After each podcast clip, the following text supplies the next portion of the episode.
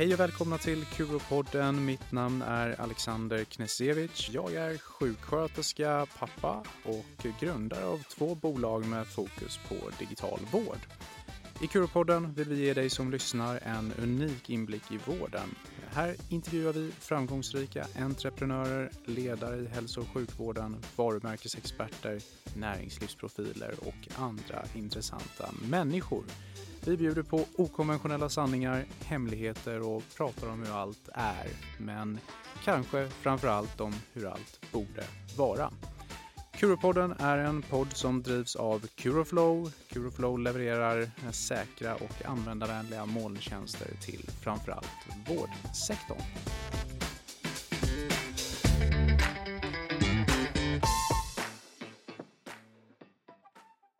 Och i dagens avsnitt, det första efter nyår i Kuropodden, så kommer vi att prata med Henrik Karlsson. Henrik är en eh, framgångsrik entreprenör i hälso och sjukvården som har varit med och eh, startat bolaget Conscriptor som har hjälpt Sverige Vård-Sverige ska jag säga, att effektivisera sina flöden, eh, slippa administration och ge mer utrymme till att faktiskt kunna vårda. Det ska bli jätteroligt att prata med Henrik idag. Han kan mycket om vården och mycket om vad vi kan göra för att förbättra densamma. Så eh, varmt välkommen till Kuropodden, Henrik. Tack så mycket Alexander. För poddens lyssnare då, vill du berätta lite vad, vad har du jobbat med och vad, vad gör du idag? Men jag, kommer, jag är fostrad kan man säga i läkemedelsindustrin. Jag började där i mitten på 90-talet och höll på ett antal år. Väldigt traditionell eh, karriär där som konsulent eller säljare och produktchef och försäljningschef och affärsområdeschef och sådär. Och sen så gick jag över och jobbade lite grann med marknadsanalys för just läkemedelsbolag, alltså på marknadsavdelningarna och på olika läkemedelsbolag som var inne och hjälpte till i framtagandet framtagandet av eh, marknadsplaner, lanseringsplaner, relanseringar och så vidare. Så med den bakgrunden så kom jag egentligen in i hälso och sjukvård. Eh, och så startade jag 2005-2006 där ett eh, bolag som, som då hette Conscriptor som håller på med vårddokumentation. Där och då så var det ju medicinska sekreterare på, på distans. Alltså det som en medicinsk sekreterare gör gjorde vi på distans. Och allt, som, allt som är i vården ska ju dokumenteras. Det är ju ett legalt krav och då kan man ju göra det själv. Eller så kan du ju eh, använda olika typer av tekniska hjälpmedel, alltså taligenkänning, röststyrning och, och, lite sånt. Eller så kan du ha eh, digital diktering, det vill säga att någon transkriberar ut det som, som sägs då. Och de här tjänsterna eh, för att skapa den här vårddokumentationen, det är det vi pysslar med. Och hur eh, kom du på idén? Ja, det var ju så att min dåvarande sambo, nuvarande fru Malin, är eh, medicinsk eh, sekreterare. Och hon kom hem till, till köksbordet och sa att nu är det viktigt Henrik att du är hemma. Du kan inte flänga och fara sådär utan eh, nu är det viktigt att du är hemma för vi har någonting som kallas extra kör på mammografin i, på Mölndals sjukhus. Och, eh, och då började jag ställa lite frågor runt om kring det där. Eh, och då visade det sig att då hade man de här ehm, vårdköerna som man försökte beta av, alltså man försökte screena eh, för bröstcancer. I samband med det så uppstod då en, en, en hög med administration som skulle hanteras. Och då frågade jag mycket det, hur, hur, hur många sådana här röntgenplåtar, på den tiden eh, 2005 2006 så var det ju skåp då, röntgen, alltså man hängde ju plåtar. Och då eh, vet jag inte exakt, men då var det x antal skåp. Jag kommer inte ihåg siffran, men säg att det var tio skåp som man hanterade. Och då frågar jag, eh, hur mycket, många gör man på dagen då? Ja, man gör tio skåp. Jo, det förstår jag att man gjorde tio skåp på kvällen, men, men på dagen, för det är ju dubbelt så många timmar eh, på dagen, för då jobbar man åtta timmar och på de här kvällspassen var ju fyra timmar. Nej, det är också tio. Ja, det är ju märkligt, sa jag. Hur kan det vara lika mycket? Med, med, med dubbelt så mycket tid. Eller, eh, när man på kvällen har vi betalt per eh, insats, alltså per granskad plåt, så det går mycket fortare då. Ja, varför gör det det tänkte jag. Eh, det är det så incitamentstyrt. Och då började jag ställa följdfrågor då såklart. Hur ser det ut på, när det gäller dokumentationen? Och då fick jag ungefär samma svar. Man buffrade väldigt mycket på dagarna och så hanterar man det på, på kvällarna till en högre ersättning och sådär. Jag kan förstå jag kan förstå det eh, scenariot eh, på så att säga, individnivå men någonstans är det ju, det är ju ingen sund hantering av skattemedel. Så där någonstans växte en idé att det här borde vi kunna effektivisera och göra smartare. För jag såg också utmaningen i att hur kan en verksamhet skala upp sin administration nästan över, över dagen eller på en vecka om man får då de här, man ska beta av köer och så vidare. Så där någonstans, i den kontexten så och eftersom jag kommer ifrån läkemedelsindustrin så gick jag ju ut till mina, mitt nätverk och frågade, skulle det här vara en bra idé? Och då, var det, då samlade jag ett gäng i Göteborg. Och um, de sa att klok idé, intressant, så har vi inte tänkt men att, att göra det, att, att flytta ut den typen av administration utanför sjukhusets väggar, det kommer inte att hända. Okej, okay. och sen så träffade jag ett gäng i, i Östergötland. Och de sa att eh, det där är en lysande idé. Eh, det där var lite nytt tänkt. Eh, det är vi jätteintresserade så när du kommer med den så kan vi gärna vara med och pröva ut teknik och funktion och lite sånt. Och som tur var så lyssnade jag på de mer positiva tongångarna så att då satte vi igång det här projektet och började fundera på hur skulle vi då hantera den här funktionen eh, på distans. Och det finns jättemycket att berätta om, om det där. Vilka, vi gjorde massa misstag där i början och mycket teknik och, och sådär. Så att, det har varit en spännande resa. Ja, det låter som det. Och, och, och i Östergötland var det då någon eh, privat eh, vårdgivare eller offentlig som tyckte att det var en god idé? Nej, men ja, eh, det, det, var en privat och det var så. Vi byggde väldigt mycket av vår framgång på, på privata vårdgivare för de är lite mer agila i, i just den typen av beslut.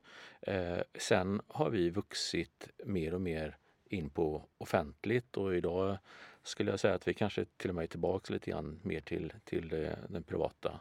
Så det har svängt lite grann över tid. Och nu, nu, nu sa du att det finns jättemycket att berätta om hur det gick och sådär men, men eh, finns det några lärdomar som du vill lyfta upp eh, i ljuset så här från, från de första åren?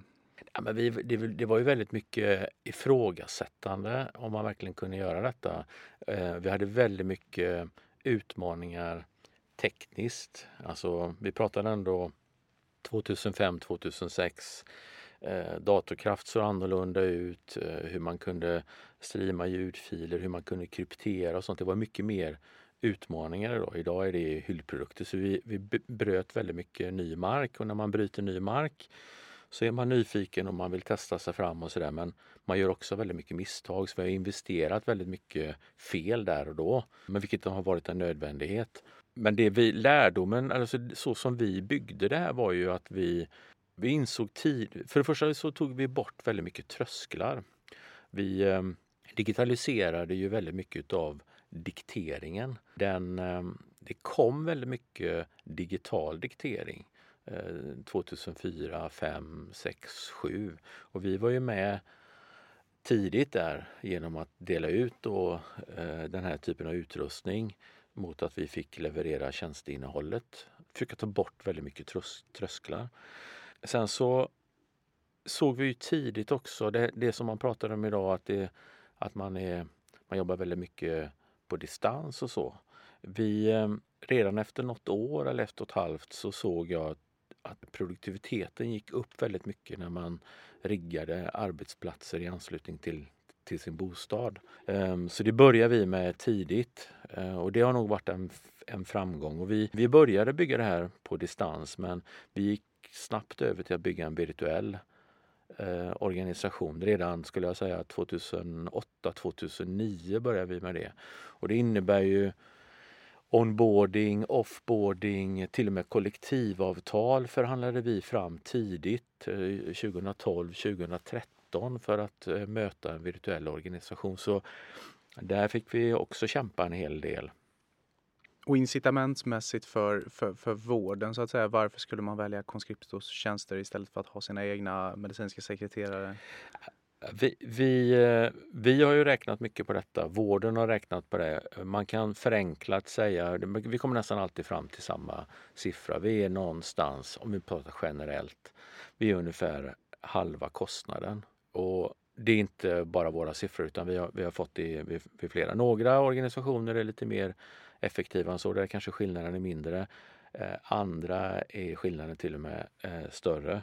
Sen kan man ha en lång diskussion vad en medicinsk sekreterare gör, för det är inte bara dokumentation, det är en del andra moment, så du kanske ändå behöver någon form av administrativt stöd på plats. Eh, men om man tittar på, på själva momentet kring dokumentation och så, så är det ungefär den, det förhållandet, ungefär halva kostnaden.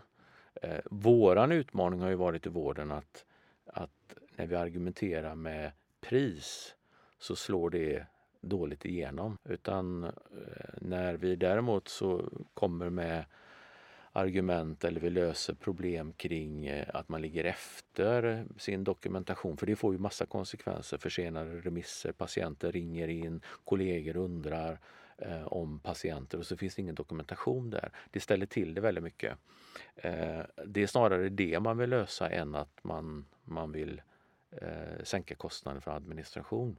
Så det blir en eh, positiv effekt eller bonus då, men inte nödvändigtvis det man eh, anlitar konskriptor för? Nej, nej precis. Och vi, vi var ju Eh, och ytterst jag har ju varit väldigt drivande i det att, att argumentera med ekonomiska eh, incitament. Att titta här, vi kan göra samma sak fast till en lägre peng. Men det, det, har, inte, det har inte varit huvudargumentet när man har köpt våra tjänster. Och inte heller för eh, den offentliga sektorn som ju arbetar med, med skattemedel att sänka Nej, faktiskt eh, inte. Lite förvånande. Och jag, jag, kan väl säga så att eh, till, till allas försvar så är det så här att vi är ju så djupt ner i den här frågan. Så vi har, vi har bra kontroll på kostnaden. Vi vet hur vi ska skruva upp produktivitet. Um, och, och, vi vet eh, vad det är för moment som, som krävs. Alltså vi kan just det här hantverket i den här smala administrativa delen. Eh, vårdproducenter oavsett skulle jag säga privat eller offentlig har liten kunskap vad det här momentet kostar. Och man har liten man produktionsplanerar inte. Vi produktionsplanerar ju vår verksamhet eh, på timmar. Vi vet, jag, jag, jag går in och frågar vår produktionsledning eh, hur många diktat vi producerar och vilken, med vilken produktivitet imorgon klockan två så har vi en prognos för det. Eh, frågar ett större sjukhus så vet man inte det. Man vet inte ens nästa månads eh, dokumentationsbehov.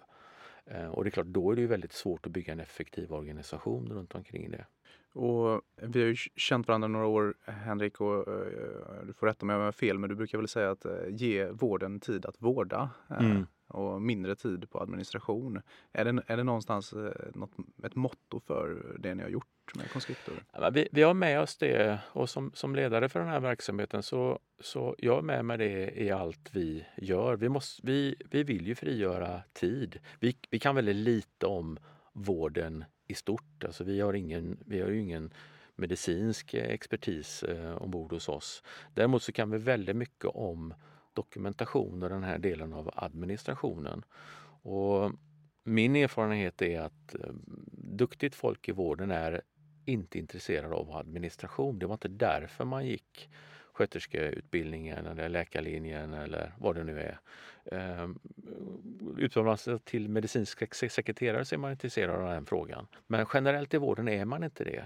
Och då tänker jag så här att om vi kan hjälpa till att avlasta där, eh, inte få bort administration, för jag tror att administration kan ibland användas som ett skällsord, att det är något negativt. Eh, det behöver det inte vara, för det är en nödvändighet många gånger. Men hur producerar vi, hur dokumenterar vi det här? Kan vi göra det på ett smart sätt så att vi tar så lite vårdresurser som det bara går? Det är ju vårt uppdrag. Så konkret i vår verksamhet sen när vi då utvecklar um, olika tekniker. Vi håller ju på nu med mycket machine learning och AI in i de här momenten. Då är det klart att då, då måste man utmana våra tekniker. Ehm, hur kan vi få bort några moment? Kan vi få bort lite klick? Kan vi få bort moment som bara tar tid? Även om det kanske tekniskt skulle vara lättare för oss att göra en sån lösning Eh, för då blir det mindre fel eller eh, då får vi en enklare programmering eller vad det nu är. Men att vi hela tiden vågar säga att nej, men vi, vi, ska, vi ska lösa det. Vi ska ta bort de här momenten för dig som användare. För då kommer du få mer tid för patient. Oerhört eh, viktigt för oss. Och nu har du jobbat med det här eh, som sagt då sedan 2006. Eh, du har ju träffat eh, mycket eh, vårdgivare runt om i, i, Sverige och säkert utomlands också. Eh, privat och offentlig verksamhet. Är det någon skillnad i hur du har blivit bemött då som, som eh, ja, men ändå vårdentreprenör, privat vårdentreprenör av offentlig sektor eller privat sektor? Eh, nej, jag, jag, skulle inte säga... Jag, jag, tycker man blir generellt bra bemött. Um, det finns ju däremot, jag kan se det nu det sista, det finns politiska inspel i, i vården um, som gör att uh, vi har vissa utmaningar med offentlig vård där man ser att uh, ni klarar det här uppdraget faktiskt bättre än vad vi just nu gör, för vi har fokus på andra saker. Eh, det vi, bara så att det är sagt, Alexander, det vi gör kan många göra, om inte alla göra det. Bara vi har ju fokuserat väldigt mycket på, på den här nischen ehm, och det har ju givit oss ett, ett försprång då. Och, och, trots att man då kanske säger att men vi, vi klarar inte riktigt, riktigt det här momentet med den produktiviteten eh, och vi klarar framförallt inte att leverera det till den kostnaden. Men vi är tvingade att plocka hem Eh, det här momentet eh, och då vill man omförhandla eller till och med kanske säga upp uppdraget då. Så det, i, i det här fallet plocka hem eh, momentet så, så pratar vi om att eh, offentlig verksamhet kanske vill ha det här då hos sig då. Eh, ja, de vill ja. inte ha det eh, externt. Nej, Nej. För, och, och, för att det är ett politiskt direktiv. Ja, ja. Man, man, man, man, ska försöka producera så mycket som möjligt eh, eh, själv då. Jag delar inte riktigt den uppfattningen. Det finns vissa moment som jag tror är centrala, men jag tror man som vårdproducent ska fundera på vad är våran core business? Är det administration? Är det vårdproduktion? Är det fastighetsskötsel? Eller vad, vad är det som är eh, essensen i detta och sen bygga verksamheten utifrån det. Talar jag lite grann i egen sak för vi, vi vill ju komma in och, och, bidra där. Men, men jag ser det med lite för stor tydlighet hur det här har svängt om eh, det sista. Sen är det tyvärr så att när vi har en sån diskussion så brukar det inte ta mer än två, tre månader. Sen är vi tillbaks Eh, och, och, hjälper till att leverera. Och det där blir ett ryckande och dragande istället för att ta ett större grepp om den frågan och göra något riktigt bra och, och bjuda in och kanske pressa oss som, som leverantör att verkligen vara med och få upp produktiviteten även i den egna verksamheten. Jag är lite förvånad för vi sitter på väldigt mycket kunskap att ingen har bjudit in oss till att säga att vi, vi, vi vill förstå hur ni gör. Hur skulle, hur skulle ni kunna hjälpa oss att bli lite bättre? Um, men, men de diskussionerna har man aldrig haft faktiskt. Och då kan det vara relevant för poddens eh, lyssnare att känna till att Conscriptor är ändå ett bolag som har omsatt över 100 miljoner på årsbasis. Så det är inget ja, litet. Nej, och nu heter vi Omelon då. Ja. Eh, så vi har gjort förvärv med AI-bolag och taligenkänningsföretag. Vi, vi slog ihop ett bolag som heter Conscriptor som jag var med och grundade och sen så förvärvade vi ett antal andra bolag och vi förvärvade ett bolag som heter Max Manus och senast nu ett AI-bolag som heter Innovia och så opererar vi under varumärket Omelon. Och vi har verksamhet i eh, både Norge och i Danmark och, och, i Sverige. Så vi har, ju, vi har passerat en bra bit över 200 miljoner i den här verksamheten. Och vad är eh, målsättningen framåt? Och du pratar om AI, är det, är det nästa steg så att säga? Ja, vi, vi, vi, vi, tror det för att vi, vi ser när man jobbar med duktigt folk och, och där räknar jag våra medicinska sekreterare som, som har hjälpt oss väldigt mycket och ger oss väldigt mycket insikter så inser man det att dokumentationen är en liten del i det här. Alltså att, att få fram en text det, det, är ju en del i det här momentet. Men att skapa förståelse för textinnehåll och hur man kan dra nytta, av, hur man kan skapa beslutsstöd, hur man kan föreslå eh, diagnoskoder och hur man kan förbättra inputen in journal, i journalen. Då tror vi att eh, en, en klok väg där är att ta eh, väldigt relevant teknik och där är machine learning en del, AI en del. Eh, så så vi, vi försöker hela tiden förbättra och förfina våra processer också. Det är en, det är en fantastisk resa att ha varit med som, som entreprenör från 2005-2006 när det var egentligen mycket manuella moment på distans eh, till det vi håller på med, med nu med väldigt avancerade algoritmer. Kan du ge något eh, exempel för eh, någon som inte är så high på machine learning och i, på, på vilket sätt kan man använda det i kontexten eh, hos er? Nej, men det, vi, det vi jobbar med, med nu, eh, det, så här är det. Tittar vi på demografin i vården så är det en utmaning och det gäller ju även medicinska sekreterare. Det är en, det är en stor brist på medicinska sekreterare. Eh, den blir eh, större. Det utbildas en del medicinska sekreterare men, men det behövs en hel del administrativt folk i vården. Så det här momentet att, att eh, skriva journal eller att dokumentera är en utmaning. Ska man då ersätta en medicinsk sekreterare med eh, Eh, en programvara så räcker det inte att den programvaran skapar en text. Eh, för en medicinsk sekreterare skriver inte bara in information i, i en journal utan det kollas eh, tidböcker, det sätts koder, det styrs upp textinnehåll. Man håller rätt på var det verkligen menat så här och så går man tillbaks till läkaren och så vidare. så det, det, momentet är mycket mer komplext än vad man först kan tro. Ska man då ta in teknik för att stödja den här personen, alltså för att bitvis komplettera eller kanske i några fall för att ersätta en medicinsk sekreterare, då, då behöver man ha stödfunktioner runt omkring. Konkret då kan man ju säga så här att det, i vissa fall så sätter läkaren en eh, kod säger vi. Eh, läkaren sätter generellt alltid diagnoskod, men en åtgärdskod. I vissa fall så gör sekreteraren det. I vissa fall missas det. Bara, bara, bara att det görs på lite olika sätt och du ska skapa en teknik runt omkring det är en utmaning. Ehm, men om man har som ansats att vi inte ska bråka och stöka med vårdpersonal utan försöka stödja dem, ja då, då blir ju det en, en miljö att verka i. Då blir ju det förutsättningar. Så vad vi har gjort nu då för att svara konkret på din fråga är att vi har tagit då SNOMED-data, alltså hur beskriver man sjukdomar?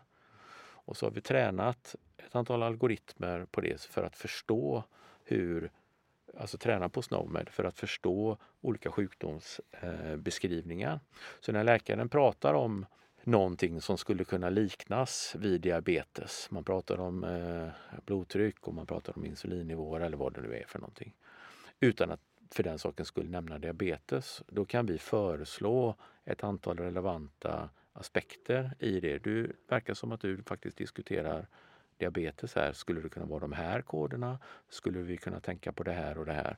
Så att, att skapa en, en, ett stöd eh, baserat på det, det resonemanget läkaren har kring patienten.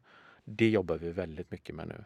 Spännande. Och du var lite inne på att eh, det har varit en, en resa att vara entreprenör. Hur, hur tycker du det har präglat dig som, som person de sista ja, 15-17 åren här? Jag tror inte att det har påverkat mig Alltså att, att man, det är klart att man påverkas som, som entreprenör. Eh, man, eh, man eh, blir nog lite ödmjuk för att ehm, eh, saker och ting tar lite tid. Man tror man ska hinna förändra väldigt mycket på, på kort tid. Jag kan väl inse det att eh, jag tycker att vi har förändrats väldigt mycket över tid. Alltså när man har varit med i från starten så ser vi att vi har gjort en enorm förändring. Men när man sänker blicken så tycker man att saker och ting tar väldigt lång tid.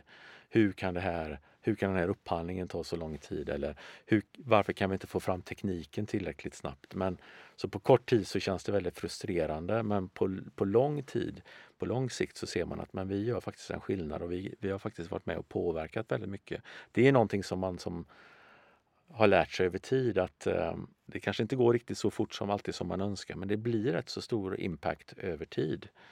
Sen är det väl så där i vården, det är väl någonting man har eh, surt fått, fått lära sig, nämligen hur, hur vården fungerar och vem är beslutsfattare i vården och vem är beslutspåverkare i, i vården och sådär. För det, det gäller, ska man, ska man lyckas där så måste man förstå också den miljö man ska verka i. Det har tagit lite tid som entreprenör. Mm. Ja, intressant.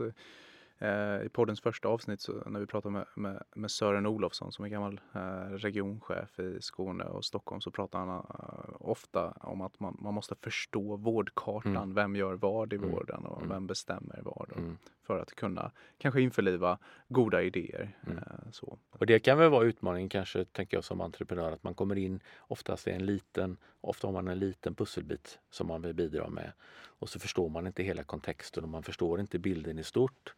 Eh, och så blir man bara frustrerad och sprattlar ner i ett, ett, ett hörne. Så att, eh, det ligger mycket ansvar och, eh, även på oss entreprenörer som, som vill vara med och, och, skapa en bättre vård. Man måste förstå helheten där. Och du är ju entreprenör skulle jag vilja säga på, på många sätt, inte bara genom Conscriptor eller Omilon nu då, men du, du har startat ett mm, par andra bolag vad jag vet också. Och har du några tips på Eh, hur man eh, framgångsrikt bygger eh, bolag till de entreprenörer eller intraprenörer som sitter och lyssnar. Det finns några klassiska såklart. Det, det, det handlar ju väldigt mycket om, om att bygga teamet, att få med sig ett, ett, ett bra lag. Det, det, mm, det är viktigt. Um, min erfarenhet också att det är mycket, man ska fundera på vad det är man säljer. Min erfarenhet är att det är mycket lättare att sälja på problem än möjligheter. Alltså det som man på engelska, vi pratar ju pains and gains. Eh, det är mycket lättare att motivera det Alexander att ta ett smärtstillande preparat för att bli av med din smärta inom en kvart, en halvtimme.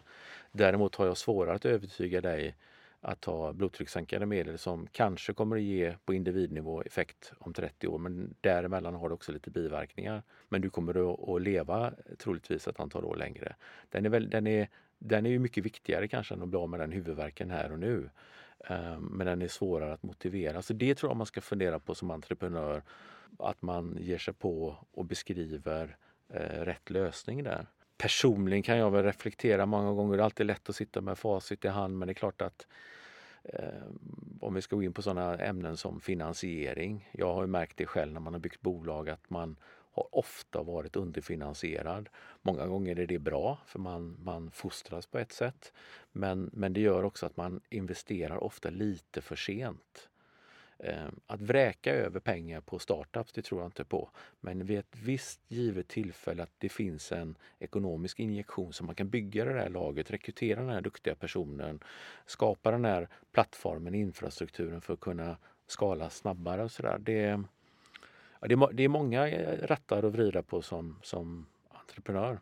Om vi eh, går tillbaka lite till, eh, till, till vården. Vad, vad ser du som, om, om, vi håller oss i Sverige, innanför Sveriges gränser, vad ser du som de stora utmaningarna de kommande tio åren för vården? Mm, det är en stor fråga. Um, jag tänker nog att uh, ja, för det första tror jag det är väldigt mycket möjligheter i vården. Framförallt för intraprenörer och entreprenörer. Um, det jag tror som kommer att vara avgörande är agilitet faktiskt. Eh, jag är lite förundrad över det vi ser nu i samband med pandemin. Eh, det finns väldigt mycket eh, stolthet och det tycker jag man ska vara. Hur man har ställt om och hur man verkligen har steppat upp och löst i en sån här svår situation. Och man pratar väldigt mycket om att man har fått ner ledtider och ökat produktivitet och, och så vidare. Inte minst med digitala hjälpmedel och så. Och man har tänkt väldigt mycket utanför boxen. Det är bra men jag tror man ska vara lite ödmjuk och säga att det var ju en fladdermus som skapade det momentet. Det var inget, det var inget driv i organisationerna. Och jag kan själv reflektera över det i vår egna organisation. Så jag tror man måste, ska vi, det, är en, det är en stor utmaning demografisk utmaning. Vi ska vårda fler, vi blir äldre, det är färre personal i, i, i vården eller rättare sagt det kommer att vara svårare att rekrytera. Eh, då måste vi vara agila och våga utmana sig att inte göra samma. Jag har ett exempel från ett sjukhus ehm, där vi hade ett jättestort uppdrag. Vi ehm, tog hand om deras akuta verksamhet eh, mycket. Och så fick vi frågan att ja, men vi tycker att det fungerar väldigt, väldigt bra. Skulle ni kunna ta hand om också dokumentation på helgen? Framförallt på söndagar var ett problem för det var svårt att bemanna och så. Ja, vi har ju inte den typen av, av, av tjänst, sa vi då, men ja, ni är en viktig kund. Det, är klart vi, det här måste vi försöka lösa på något sätt. Och så satte vi oss ner och försökte klura ut hur, vi skulle, hur det skulle gå till. Och så, så ställde vi en fråga. Hur ska den här informationen användas? När ska den användas? För jag tänker att söndagar är, hur vi än vänder och vrider på det, så är det, det, det är en, en dyrt moment om man nu ska använda ehm, eh, människor att delvis dokumentera. Men då visade det sig att den här informationen skulle användas först tidigt på måndag. Så skulle vi då kunna bemanna upp så att vi sätter ett SLA att det ska vara klart exempelvis innan 09 på måndag. Då skulle vi kunna bemanna måndag från 4 eller 5 på morgonen och så vidare. Men, ehm, och det var en intressant tanke men, men man ville lösa det problemet genom att så här har vi bemannat och så här jobbar vi idag. Vi vill ju ta in någon extern spelare som gör exakt samma. Ehm, utan att reflektera en vända till. Hur ska vi använda den här informationen? Det tror jag inte vi har möjlighet att göra framgent. Vi måste våga ifrågasätta detta för vi har inte varken ekonomiska eller personella resurser att göra allt lika nu som om tio år. Så våga utmana, mm, vad ska vi säga då, beprövade arbetssätt? Ja precis och därför så hyllar jag ju då entreprenörer eh, och såklart också entreprenörer. Man, man vågar faktiskt ha det här samtalet. Ehm, jag ser väl det många gånger i vården och det gäller inte bara offentligt utan jag ser det på även de större vårdoperatörerna där att man, de, de här eldsjälarna, man får ofta slåss lite för hårt internt för att få igenom sin vision eller sin tanke. Där man säger så här borde vi göra. Jo, men du vet, det, det är något regelverk eller så har vi inte gjort förut. Eller nej, nu måste vi bara släcka den här branden. Gör nu som vi brukar göra och så bara lös det. det jag tror inte att det är, vi, vi, har, vi har kommit att ha den möjligheten framgent. Och digitalisering i synnerhet då. Det har hänt mycket på digitaliseringsfronten i sjukvården de sista åren. Eh, allt i takt med eh, nätläkarna, om vi får kalla dem så, till, typ vidare till olika typer av digitala tjänster för informationsinhämtning eller kommunikation eller strukturering av, av information för den delen. Ser du att det spelar en central roll i sjukvården de kommande åren? Ja, men det, det gör det. Jag tror att det är en nödvändighet. Eh, jag tror dessutom att vården behöver skruva upp tempot ytterligare i de frågorna. Men jag tror också att man man kan inte ha som ett mantra i vården att allting ska digitaliseras. Jag tycker man ska våga ifrågasätta eh, varför. Varför digitaliserar vi det här momentet? Eller varför tänk, vad är det vi vill uppnå? Då kanske digitaliseringen med dess hjälpmedel är en, ett, ett bra verktyg att lösa det. Men ibland blir det att man vill ha någon form av procentsats, alltså här stor del av verksamheten är digital eller har vi gjort, eh, gjort en förändring i? Ja, kanske bra. Eh, men vad är det man vill uppnå? Eh, är det ökad produktivitet i något läge? Ja, då, då, då är det det man ska ge sig på. Och sen vad det är för verktyg vi använder för att uppnå det. Ja, det kan vara som jag säger nu då, som jag tog som ett exempel, att man, man ändrar bara eh, när behöver vi tillgängliggöra den här informationen? Kan vi, kan vi rucka på det? Och då kanske vi har både sänkt kostnader och ökad produktivitet, vad vet jag. Um, det är inte säkert att, att vi ska införa digitala moment där. Så att det, ibland tycker jag man är lite ivrig på den här digitaliseringsknappen. Och jag är väldigt för digitalisering och dess möjligheter. Så det, det, men pratar vi nätläkare exempelvis som, som, som har en stor framgång. Vad är det man försöker lösa där? Man pratar mycket liksom om att det ska ja, från början var det väldigt mycket eh, videobesök och, och, lite sånt. Sen har ju det pivoterat och sådär. Men det är tillgänglighet vi pratar om. Kan vi jobba med tillgänglighetsfrågan på något, något annat sätt? Antagligen som ett komplement. Så jag, jag tycker man ska stanna upp och reflektera. Vad är det man vill uppnå med den här digitaliseringen först? Ja, klokt. Så hitta en anledning till att digitalisera och sen använda digitala verktyg om det då finns någon, något syfte. Ja, eller kanske ännu större. Hur vill vi trycka vår verksamhet framåt? Vad är det vi, hur vill vi förändra den om några år? Ja, vi, det här är vår målbild.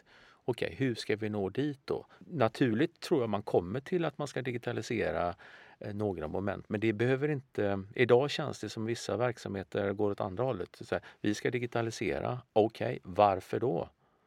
Jo, men då finns det incitament och det finns eh, projekt och så för att digitalisera.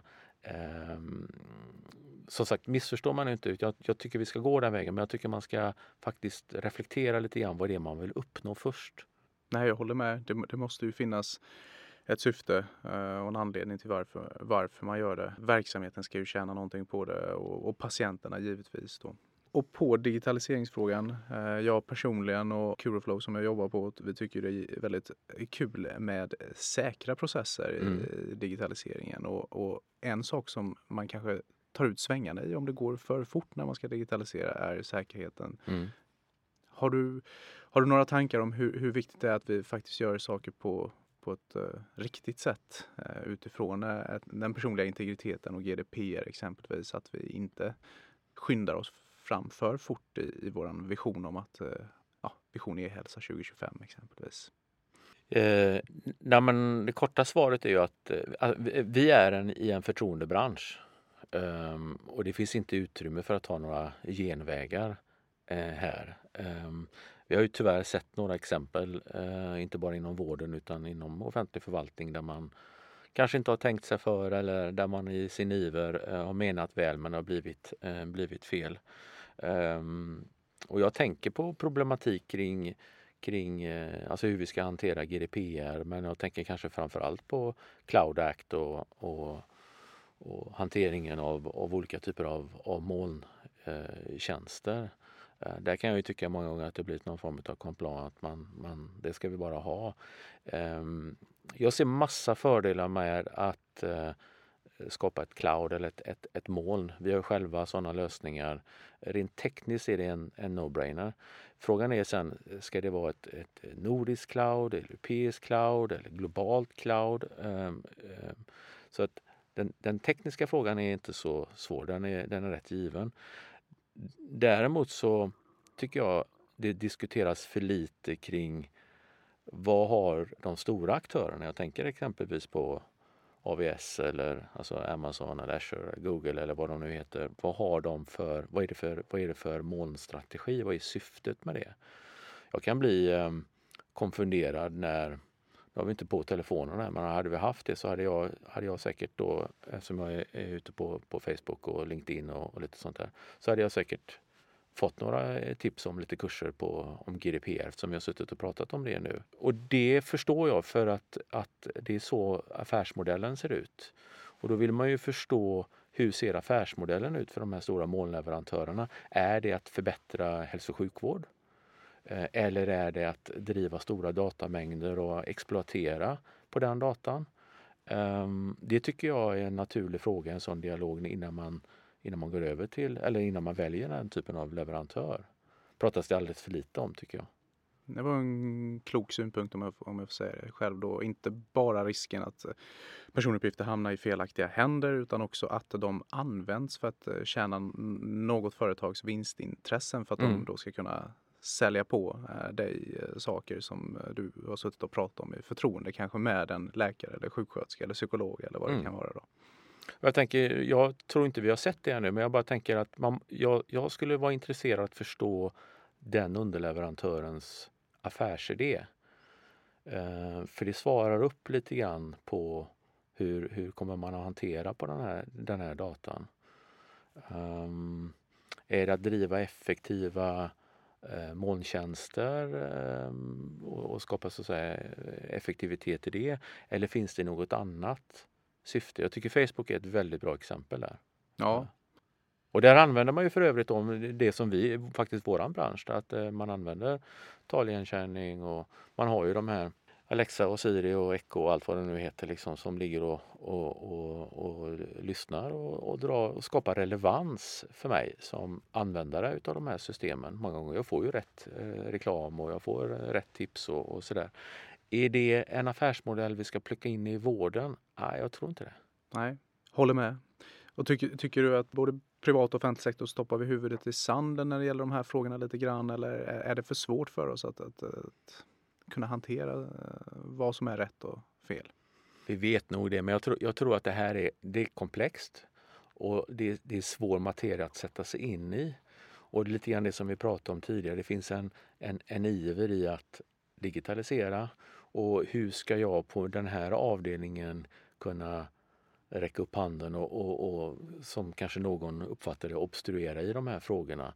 Utan det där, där får vi nog titta på både lagstiftning och kanske SKR och, och som kommer med lite guidelines och så vidare. Men det finns ju möjligheter. Man, allt handlar ju inte, man måste ju inte bara ha amerikanska cloudlösningar. Det finns ju faktiskt på närmare håll. Eh, och jag säger inte att amerikanska cloudlösningar eh, per se är fel, men man måste, jag tror man måste, man måste förstå lite mer. Vad är det för underleverantör man, man vill välja där? Ja, Henrik. Eh, mycket intressanta ämnen här. Eh, vi börjar eh, så smått här närma oss eh, slutet på intervjun men vi har som vanligt tre frågor kvar och vi börjar med en kanske delvis filosofisk fråga men, men vad skulle du säga att framgång är för dig?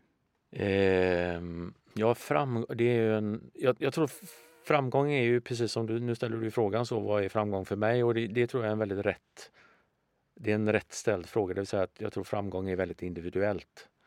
Det finns, ingen, det finns, inget, det finns inget globalt svar på den frågan. Men, men det handlar, för mig handlar det ju om att vara tillfreds med sig själv. Att, att hitta balans där.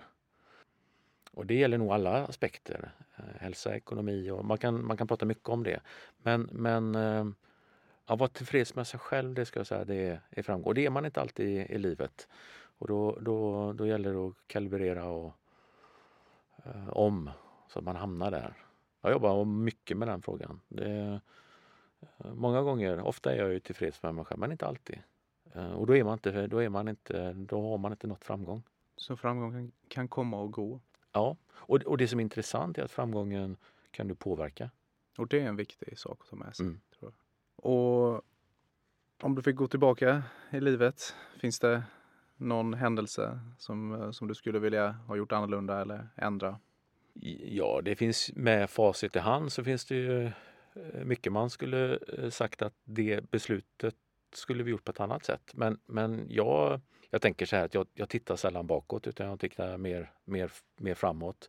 Jag kan, inte, jag kan inte göra så mycket åt det som har varit. Och jag tror att det beslutet, de besluten jag fattade där och då, de var korrekt med den där och då. Men, men det är klart, när jag har fas i min hand så, facit i min hand så kanske jag har fattat ett annat beslut. Så jag, jag, tänk, jag, jag funderar inte så mycket på det. Vad skulle jag gjort istället och tänka om och sådär. Kanske mer på vad du ska göra då istället? Ja, precis. Och, och, kanske, kanske hellre då reflektera lite grann över att de kommande besluten man fattar att man tar med sig den erfarenheten man har. Så förhoppningsvis så jag kan säga att det blir mindre fel framåt men det blir i alla fall förhoppningsvis andra typer av eh, felaktiga beslut man fattar. ja, och på det nya året då, eh, 2022 eh, och även om vi vill blicka något år ytterligare framåt, hur, hur ser det ut för dig? Vad har du för målsättningar? Vad ser du fram emot? Ja, men jag ser fram emot eh, 2022. Personligen så har vi en, en, nu har det gått väldigt bra men min, min fru Malin har drabbats av eh, en allvarlig bröstcancer. Eh, och hon framförallt och snart vi är, är ur den fasen. Så jag, jag tänker på 2022 som ett friskt år. Och då tänker jag också eh, att den här pandemin får vi nu gemensamt sätta lite kraft och försöka bli av med. Jag hade, det hade varit väldigt kul om vi fick ett friskt 2022.